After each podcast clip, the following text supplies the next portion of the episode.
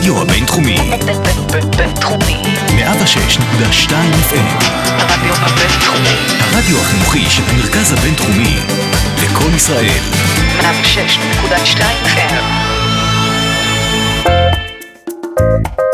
אקדמיקס. אקדמיה בגובה העיניים. עם קרן אסף. לכל המאזינים והמאזינות, אתם על הרדיו הבינתחומי 106.2 FM, אני קרן אסף ואתם מאזינים לאקדמיקס, הפודקאסט האקדמי של אוניברסיטת רייכמן.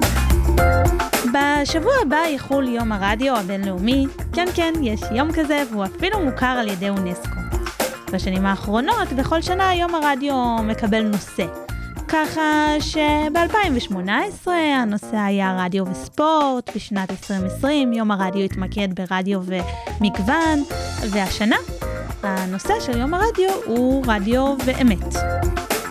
באתר הייעודי ליום הרדיו של אונסקו הסבירו שבעידן הרשתות החברתיות חשוב להבין איך שומרים על סטנדרטים עיתונאיים ראויים ברדיו כאמצעי תקשורת המוני. אין ספק שהרשתות החברתיות ושירותי הסטרימינג הביאו אתגרים רבים לאמצעי התקשורת המסורתיים, ובהם גם הרדיו. אבל במקומות מסוימים הם גם עזרו לאמת ולצדק להגיע לרדיו. כדי להציג גם את הצד הזה של שירותי הסטרימינג, איתי כאן באולפן איבון סבא, מרצת הקורס יסודות הרדיו, חוקרת התפתחות מוזיקת האינדי הערבית, מגישת התוכנית ערבית בכאן 88, וגם כאן הגישה במשך שנים את התוכנית Bridge. שלום אה, איבון. שלום. אז אה, בדרך כלל שאומרים אה, ששירותי הסטרימינג אה, בהקשר של הרדיו, אומרים שהם יהרגו את הרדיו. בעולם הערבי אנחנו רואים שהם דווקא מחיים את הרדיו. כן. איך זה עובד? אז אה, זה קצת, אה, צריך לחזור טיפה אחורה ולראות מה המצב היה לפני כן. אוקיי, אז אם אומן או משהו היה מוציא שיר אה, לרדיו, זה היה מתנגן, uh, ולא היו מקבלים uh, שום כזה רויאלטיז, שום דבר. Uh, כי אין בעצם את ה... אין אקו"ם בעולם הערבי, אין. יש כמה חברות קטנות, אבל הם לא יכולים לפקח על כל מה שקורה. Uh, וגם רוב האנשים בעולם הערבי היו מורידים מוזיקה... Uh, באופן כמובן, פיראטי. באופן פיראטי, כמו שאנחנו מכירים, אפילו עד uh, 2012, בתקופה שכבר אנחנו די עברנו את כל הדברים האלה, ואנשים כאילו עדיין היו צורכים מוזיקה בצורה מסוימת, אבל לא ככה לפחות. Um, אז בעולם הערבי דברים היו קצת שונה במקרה הזה, כאילו הם לא כל כך uh, קנו מוזיקה, אה, לא היה את הדבר הזה. אז אם היית uh, זמרת או זמר, אז בוא נגיד שלא ראית uh, גרוש מכל הדברים האלה. אה, וברגע ששירותי הסטרימינג נכנסים, אז זה מתבקש שיהיה איזשהו גוף שמפקח על האזנות, אממ, על כל מה שקורה, כדי שהבן אדם יקבל את הכסף, יקבל את ה royalties כמו שצריך. היה חוסר של כמעט 400 מיליון דולר בשנה, רק מהעולם הערבי. כי לא, כאילו, כסף שאנשים לא קיבלו, אומנים שלא קיבלו. תמלוגים שלא... ש- כי כן. אף אחד לא דרש אותם? אה, לא רק זה, גם אף אחד לא פיקח, כאילו, מהמם. לא היה שום גוף שדאג שהאומנים האלה יקבלו את ה royalties, את התמלוגים שלהם, אה, מהמם. באופן רשמי, בוא נגיד את זה ככה. אממ, ושירותי הסטרימינג בעצם, בגלל שהם הגיעו מהעולם הערבי, חייבו אה, תשלום תמלוגים? אה, כן, זה, זה כאילו, זה כמו לעשות, אה, אוקיי, בואו נקים איזושהי חברה, אבל כדי שזה יקרה, משהו אחר צריך לקרות. וזה מהפך די גדול, כי זה אומר גם לשנות את ה... זה שוק של להרגיל את העם עצמו, את הצרכנים, לדבר הזה. כי הרבה מאוד אנשים באותה תקופה, אין להם כרטיסי אשראי. אה, רוב הדברים שמתנהלים בעולם הערבי זה על מזומנים. אה, זה גם דרך חיים מסוימת של הרבה מהצרכנים שיש בעולם הערבי. אז אם היית הולכת, נגיד, והיית אה, עושה מנוי, או נגיד, אה, אין להם כאילו מנויים כאלה ואין אין דברים כאלה, אפילו משלוחים, היית מזמינה משהו באונליין, מגיע שליח, משלמת לו במזומן. היו שירותים כאלה. עדיין אני חושבת שיש במקומות מסוימות, אמ, אבל בגדול אה, ככה התנהל. אז גם זה עניין, איך את מביאה אנשים כדי לשלם על איזה שירות. שהם ש- רגילים לקבל חינם. שאין להם גם כן, כאילו, את ה... הם לא מוכנים לשים כרטיס אשראי כביכול, או שהם לא יכולים לש... לשלם על זה באופן מזומן. שמשהו הופך אותו לדיגיטלי, שזה גם עוד uh, קטע. Uh, ומשהו שעוד יותר, זה אולי סעיף קצת יותר uh, uh, חשוב, לפחות mm-hmm. לממשלות הערביות שהיו במקום הזה. Uh, איך אנחנו מפקחים על מה שהולך שמה. כן, זה משהו. נושא שצריך גם להסביר כן. אליי, כ- ללכת צעד אחורה. הייתה שליטה של הממשלה על איזה שירי, שירים משמיעים ברדיו. נכון. אז רוב התחנות, אה, כמובן, כמו שיש בכל מדינות, יש תחנה ציבורית אה, וכל מיני תחנות אה, מסחריות, אה, ובאופן מאוד, אה, כאילו, כמו שידוע, בעולם הערבי, לפחות במצרים ומקומות מהסוג הזה, אולי לבנון קצת שונה, יוצא דופן בקטע הזה, אבל רוב המדינות ערב, יש פיקוח המון על מה שיוצא בתחנות רדיו ובטלוויזיה ו- וכל התכנים האלה. אה, כל מה שיוצא לציבור. יש איזשהו, בוא נגיד איזה סטטוס קוו שצריך לה, אה, להקפיד, אה, ולדאוג שדברים לא יוצאים מהזוויות האלה או מהמקומות האלה, שלא עוברים את הדבר הזה. וכשאומרים שלא עוברים את הגבול, זה לא גבולות כל כך קיצוניים. זה למשל אה, התוכניות כמו פרנדס, את אה, סיפרת לי שמצנזרים אותם, או שנשיקות מצונזרות, או... אז תחשבי שאני גדלתי וראיתי טלוויזיה בבית וראיתי פרנדס מצונזר. ואז פתאום יש נטפליקס, רואים את הפרקים אחרת לגמרי. אז זה משהו גם כן ש- שהיה קורה, שכן, היה איזשהו קטע של המערב, כאילו להביא את המערב למזרח התיכון ולעולם הערבי במיוחד, אבל בתנאים שלהם. מצונזר. אה, ואם הדברים האלה לא היו קורים, אז זה היה, קור- כאילו, זה היה גורם לבעיות מאוד גדולות, אה, לפיטורים ודברים מהסוג הזה. כאילו, הם לא רוצים שהתוכן יצא ממקום שהוא לא מכובד, או שהם חס וחלילה מבקר את המדינה שלהם, לצורך העניין. אין חופש ביטוי אה, בקטע הזה. וזה עדיין קורה עד היום, זה משהו שלא לא השתנה במיוחד, זה רק אומר שיש יותר שירותי סטרימינג שהם, אגב, לא יכולים לפקח עליהם, הם יכולים לפקח אולי על טוויטר ופייסבוק, מהמם. אבל על יוטיוב, נטפליקס וכל השירותים האלה, הם לא כל כך, אין להם say בעניין הזה. זה משהו חיצוני שנכנס למדינה, בשיתוף כביכול עם המדינה, וכאילו השירותים האלה, הם יודעים טוב מאוד לאן הם נכנסו. Um, יש מקרים פה ושם שהם רוצים ל... כאילו לצנזר דברים מסוימים, ואחרי מלחמות ודיווחים, כאילו דיונים בנושאים האלה זה קורה.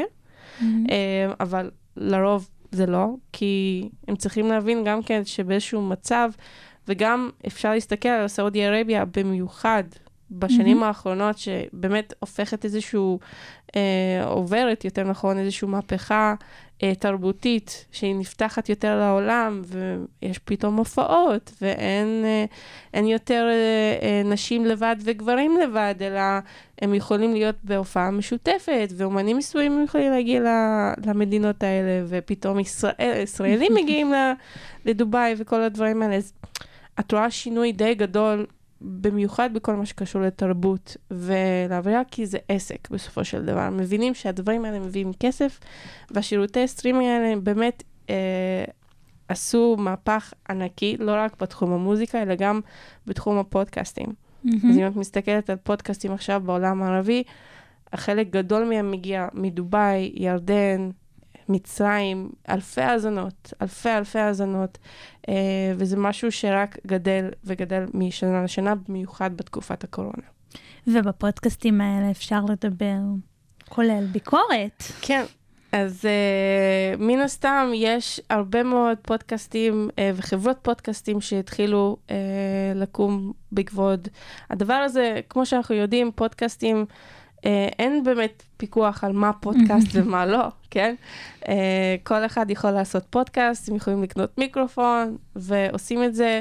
השאלה היא אם זה טוב או לא, זה כבר אה, תלוי במאזין. הצרכנים, אה, המאזינים והמאזינות כן, מחליטים, הם יחליטו, אבל ה- התוכן עצמו הוא די פרוץ. זאת אומרת, כל אחד יכול להתחיל לעשות תוכנית משלו. אז יש הרבה מאוד חברות אה, שקמו ועשו את זה, אה, ומבינים, מבינים שכאילו, הם לא עכשיו יתחילו לדבר על הממשלות ועל על הדברים האלה, כי זה לא יגיע למקומות האלה, זה גם תלוי בתוכניות. כן. לרוב יש לנו תוכניות ספורט בעולם הערבי, תוכניות תרבות. Um, יש כל מיני, כמו שיש לנו בעולם הרגיל, כאילו המערבי מן הסתם, אז בעולם הערבי יש את התכנים האלה שמתייחסים לעולם הזה. עכשיו, אם אנחנו מסתכלים על משהו שהוא יותר, אה, בוא נגיד, ביקורתי מהמם. כלפי מדינות ערב, אז בדרך כלל זה מתבטא במוזיקה. אה, כי מאז ומתמיד המוזיקה הערבית, לפחות האינדי, הגיעה מאיזשהו מקום אה, להביע דעה שונה ממה שקורה, ללכת נגד הזרם, ללכת נגד הסטטוס קוו, ולדבר על הדברים שבאמת חשובים, אה, אם, אם במצרים או לבנון, או אפילו אה, בדובאי ו- וסעודי ערביה. כאילו כל המקומות האלה הם כן... אה, יש מוזיקה שונה, היפ-הופ, ז'אנרים, כל מיני דברים האלה, אבל התוכן עצמו, את תמצאי שירים על אה, שוויון מגדרי, על זכויות נשים, אה, והשירים האלה והמוזיקה אה, כן הצליחה באיזושהי רמה מסוימת אה, לשנות חוקים ולהפוך את זה למשהו אה, קצת יותר, אה, בוא נגיד אה, ב- בדובאי או בסעודיה, מהמם. יותר נכון. אה, היה חוק נגד אה, נשים שאסור להם לנהוג עד מהמם. כמה שנים. אנחנו כבר אולי חמש שנים מאז שזה היה. אה, ולפני זה היו הפגנות והיו אה, סרטונים שיצאו ושירים שנכתבו אה, על הנושא הזה, כדי לגרום למי שנמצא בממשלות אה, להבין שזה חוק מגוחך, שאישה צריכה לנהוג מן הסתם כדי שיהיה לה את החופש אה, ושתוכל לעשות את כל מה שהיא צריכה לעשות. אה, היא לא שונה במיוחד או משהו. אה, והחוק הזה אה, שונה כמובן, אחרי תקופה מסוימת, שזה התחיל גם באותה תקופה שדובאי וסעודיה וכל האמירויות, אפשר להגיד, התחילו באמת את הצד הזה לקראת להכניס יותר את המערב לתוך העולם שלהם. וזה היה הצד הראשון בעצם במהלך הזה, ומאז אפילו חברות גדולות כמו קוקה קולה התחילו לעשות פרסומות, אה. לעודד נשים לנהוג אה, ודברים מהסוג הזה, אז זה כאילו, זה מתחיל ממשהו די קטן, זה מתחיל משיר קטן שמישהו כותב, או מסרטון קטן שמישהו עושה, אה, והופך להיות אה, מהפכה די גדולה, וזה מה שראינו גם באביב הערבי. שהתחילו אמנים שהלכו להפגנות והתחילו לשיר בהפגנות, והיום הם השם או הפרצוף של המהפכה הערבית, כאילו, כביכול, שעדיין נמשכת. זה לא נגמר, מן הסתם. כן, עכשיו הצגנו את זה כמאוד אה, חיובי, מאוד נעים. הזמרים האלה משלמים גם אה, מחירים. כן, די כבד. כן, את רוצה לתת דוגמאות אה, לזמרים אה, שהשמיעו שירי מחאה ולמה זה הוביל? כן, אז אפשר אפילו להתחיל מהכי מפורסם. אה, כשאנחנו מדברים על אביב הערבי, אנחנו מדברים על מצרים יותר, וכיכר תחריר וכל ההפגנות שהיו שם. ומשם יצא רמי עיסאם, שהוא אחד הקולות הכי מובילים בכל המהפך הזה, בכל המאבק על אה, זכויות ושינוי במצרים. אה, ומן הסתם, בגלל המוזיקה שלו, הוא כבר לא יכול להישאר במצרים במצב הזה, והוא עוזב את מצ- מצרים ב-2012-2011 נראה לי, um, ועובר לאירופה וממשיך לכתוב מוזיקה uh, ולהשתתף עם הרבה מאוד אומנים מסביב העולם כדי לקדם את המהפך הזה מרחוק. אמ, כמוהו יש את קיירוקי, שגם כן הרכב שהתחילו אה, באביב הערבי, אמ, וגם הם אה, משלמים מחיר מאוד כבד. אה, הם אומנים, בסופו של מהמם. דבר הם רוצים להרוויח כסף מהמוזיקה שלהם, וכאילו, את יודעת, למכור. ויש גופים בממשל המצרי שלא מאפשר להם באמת, כי הוא מכריז שהמוזיקה שלהם לא ראויה, כי היא עוברת על איזשהו חוק או מדברת אה, בצורה לא נכונה לממשל המצרי או לתרבות המצרית, אה, ולכן המוזיקה שלהם ביקורתית מדי והיא לא יכולה אה, לעלות למכירה. אז למרות שפה אנחנו חוזרים לקשר שבין הרדיו לסטרימינג, אה, אי. אפשר לשלוט על האינטרנט. אי אפשר לשלוט כמובן, אז uh, היו כמה מקרים כאלה, uh, שקיירוקי למשל uh, כתבו אלבום, רצו ל- ל- להציג את זה וכאילו להוציא עם האלבום, אה, לצאת, אה, והם לא נתנו להם, אז הם פשוט לקחו את האלבום ושמו הכל ביוטיוב. אה, וככה האלבום שלהם התפרסם, ומאז הם, הם כל הזמן מפרסמים ביוטיוב, אה, ומאז שיש את השירותי סטרימינג, אז ההרכב יכול לפרסם ולהעלות את המוזיקה שלהם לשירותי סטרימינג האלה, והם עדיין יקבלו את הכסף, הם עדיין, כאילו, על כל הסטרימינג. אמנם, כמו שאמרת, זה לא המון, אה, אבל בשבילם זה כן אומר שהם מקבלים את אה, תשומת הלב של חברות תקליטים בחו"ל, אה, שלאחרונה מאוד שמו איזשהו זרקור על ה...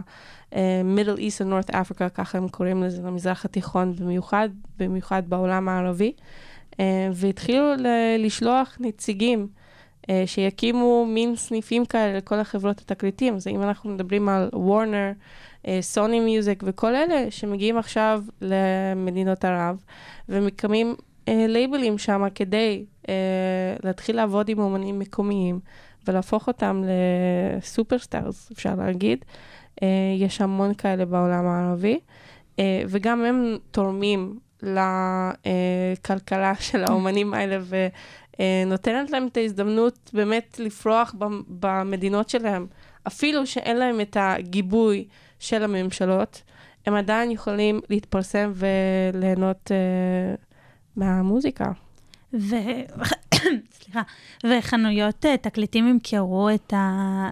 כבר אין תקליטים, את הדיסקים האלה, אבל... אה, אז כבר לא, אין דיסקים כמו שאנחנו יודעים, אף אחד לא באמת קונה מוזיקה, אבל יש עדיין את השירותי סטרימינג שמביאים הרבה מאוד, אה, מביאים מספרים די גדולים, אה, ואז זה הופך להיות אה, פסטיגלים והופעות ו- ומכירת מרצ'נדייס ועוד הרבה דברים כאלה, אז זה משהו ש... ואפילו תקליטים, אפשר להגיד. כאילו, יש, יש כאלה שמוכרים יש תקליטים. עדיין קהל אה, מצומצם. אה, אני אחת מהם שקונה תקליטים עדיין, אה, יש, אבל אה, זה משהו מאוד מאוד נישתי, אה, אבל השירותי הסטרימינג האלה באמת הביאו לאומנים האלה אה, פרנסה. הם יכולים להיות אומנים בסופו של דבר. הם יכולים לכתוב מוזיקה ולייצר אה, מוזיקה ואפילו תוכן. אה, מחוץ לזירה של, אוקיי, אנחנו לא רק מוגבלים למצרים, או, או שאנחנו לא רק מוגבלים לירדן, אלא אנחנו יכולים לחיות בירדן ולייצר מוזיקה, אנחנו יכולים להיות גדולים בירדן, אבל גם באירופה, בארצות הברית וכולי. כן, פתאום אנחנו מתחילים לראות אה, זמרים, די-ג'אים, נגנים אה, ערבים בכל מיני פסטיבלים בינלאומיים. אה, לגמרי.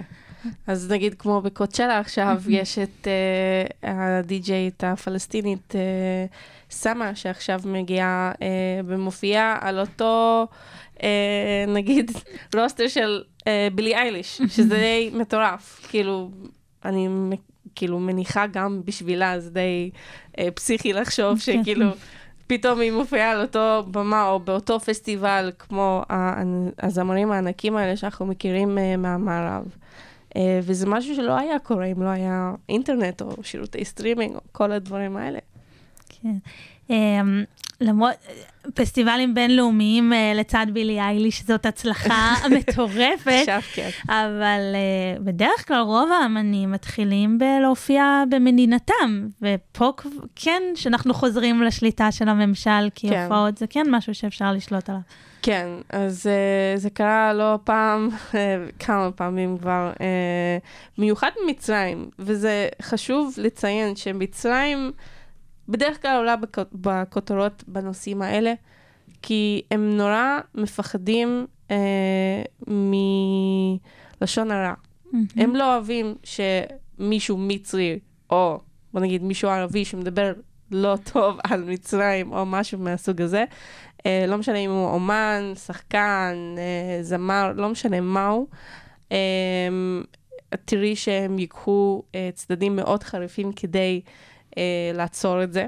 אוקיי? אפילו אה, דברים שמגיעים לבתי משפט ו- ודברים למה מהסוג דווקא הזה. מצרים? Um, אני חושבת שיש הרבה מאוד, um, הממשלה שלהם מקפידה נורא על הדברים האלה. Uh, וזה משהו שלא מובן כל כך למה. יש שם איזה מלחמת תרבות מאוד מאוד uh, מובהקת.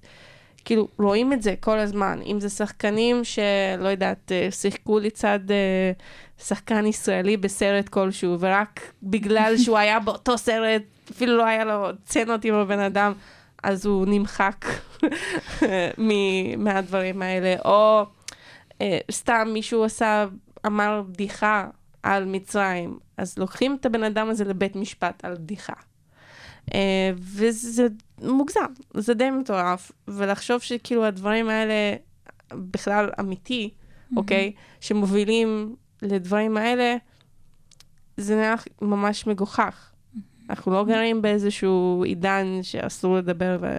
אבל יש מקומות כאלה. גם זה נשמע כמו איזה משהו שהיה אפשר לחשוב שקורה נורא רחוק, לא, מצרים מכאן. נכון, זה לא כזה רחוק מאיתנו. יש אומנים שיושבים בכלא על שירים שהם כתבו, אוקיי? זה גם משהו שאנשים כמו קיירוקי ורמי סם נמלטו מהדברים האלה, אבל זה דברים שקורים היום במצרים.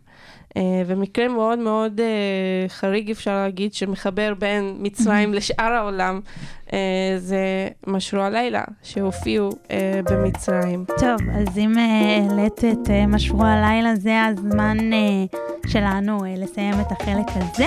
אה, אבל אתם מאזינים ומאזינות, אם אתם רוצים לשמוע את השיחה שאיבון סבא ואני קיימנו אה, על הלהקה, האזינו לחלק הבא של השיחה. Música